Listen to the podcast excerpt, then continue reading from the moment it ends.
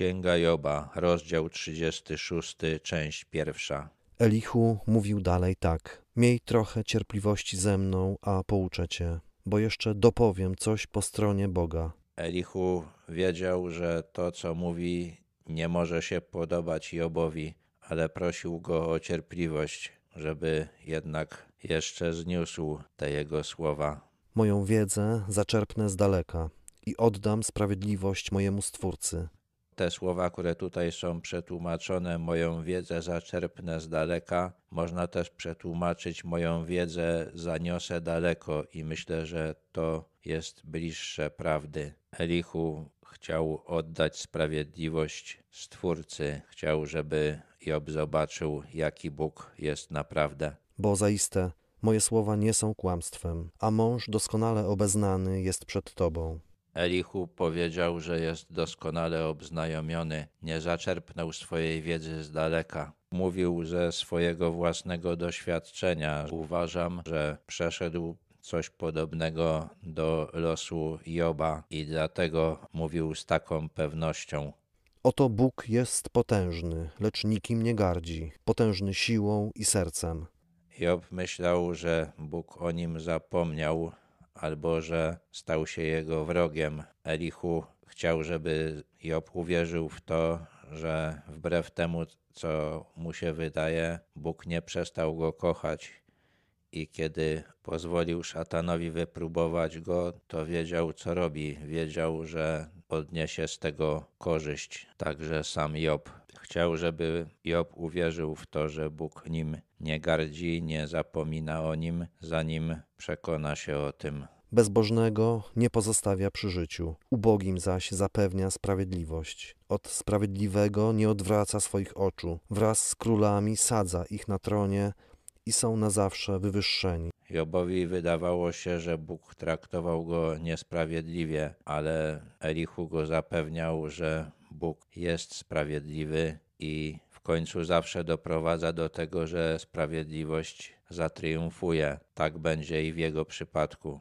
A gdy są skuci w pęta, skowani więzami nędzy, wtedy wyjawia im ich sprawy i ich występki, że się wzmogły. Otwiera im ucho dla przestrogi i wzywa ich, żeby się odwrócili od złości. Tutaj Elichu przedstawia dokładniej losy ludzi, o których wcześniej mówił, tych sprawiedliwych, którzy są w nędzy. Zanim zostaną wywyższeni i Bóg posadzi ich na tronie razem z królami, Bóg przeprowadza ich przez więzienie. Być może tutaj Elichu przedstawia to, co jemu się stało. I mówi, że to nieszczęście, które spotkało wybranych Bożych, pokazało im co jeszcze w ich życiu wymaga poprawy, wymaga oczyszczenia, w czym pozwalają sobie na pójście za złymi skłonnościami. Jeżeli usłuchają i poddadzą się, dokończą dni swoich w szczęściu i lat swoich w rozkoszach. Lecz jeżeli nie usłuchają, zginą od śmiertelnego pocisku i umrą, nie wiedząc jak i za co ten czas, kiedy pobożnego spotyka jakieś nieszczęście, jest bardzo ważny. To jest czas decyzji. Albo zobaczy to, co Bóg chce, aby zobaczył i poprawi to, albo zwróci się przeciwko Bogu. Zależnie od tego, co wybierze, czeka go albo szczęście, albo zguba. Jeśli wybierze bunt, to jego umysł zostanie zaślepiony i nawet nie będzie wiedział, dlaczego ginie. Elichu chciał, żeby Job zobaczył, że też znalazł się właśnie w takiej sytuacji. Ludzie bezbożnego serca hodują gniew, nie wołają o pomoc, gdy ich wiąże. To też ich dusza umiera w kwiecie wieku, kończą swe życie wśród nierządników świątynnych. Podobny los spotyka także złych, bezbożnych. Kiedy spotka ich nieszczęście, jeszcze bardziej utwierdzają się w swoim buncie wobec Boga i to prowadzi ich do tego, że albo giną, albo prowadzą życie, które jest godne pogardy. Tutaj podał przykład męskich prostytutek uprawiających swój proceder przy pogańskich świątyniach. On wybawia cierpiącego przez jego cierpienie i otwiera jego ucho przez utrapienie. Ale jest też możliwość, że to cierpienie otworzy komuś oczy i uszy, oczyści go i podniesie. Tak jak jeleń do źródła wody dusza ma do Ciebie mnie. Tyś pragnieniem mojego serca Ciebie, Panie, wielbić chcę. Tyś mą siłą, Tyś tarczą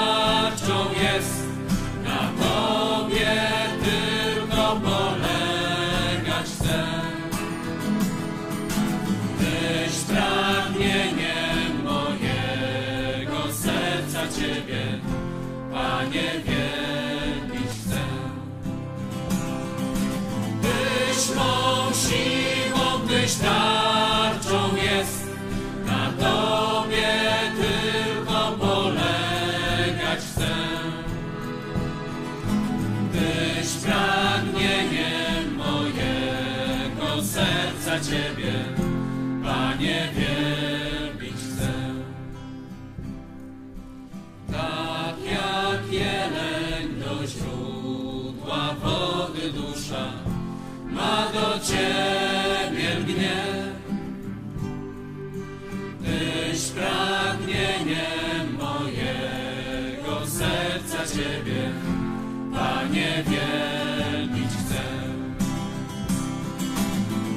Mą siłą, Tyś tarczą jest, na Tobie tylko polegać chcę.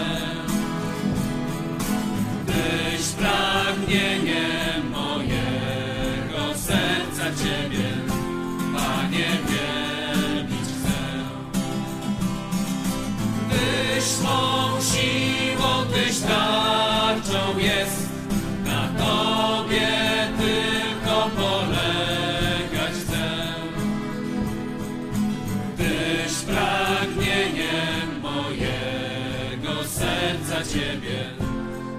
Yeah.